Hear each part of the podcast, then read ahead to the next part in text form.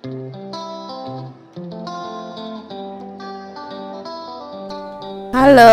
ketemu lagi dengan podcast catatan kecilku.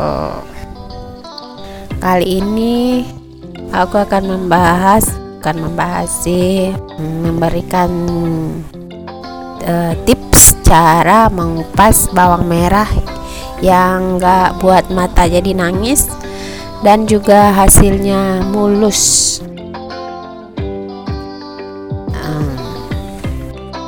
untuk mengupas bawang merah ini dalam jumlah banyak biasanya air mata kita keluar banyak kayak orang nangis gitu kan.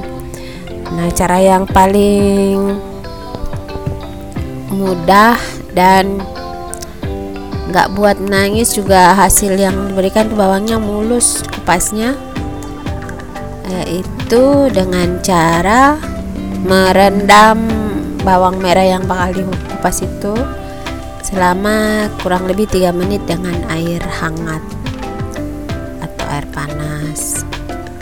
Kalau udah tiriskan terus dikupas deh. Coba deh. Pasti ngupasnya lebih mudah sampai ke kulit-kulit arinya yang tipis itu dan juga hasilnya bawangnya mulus.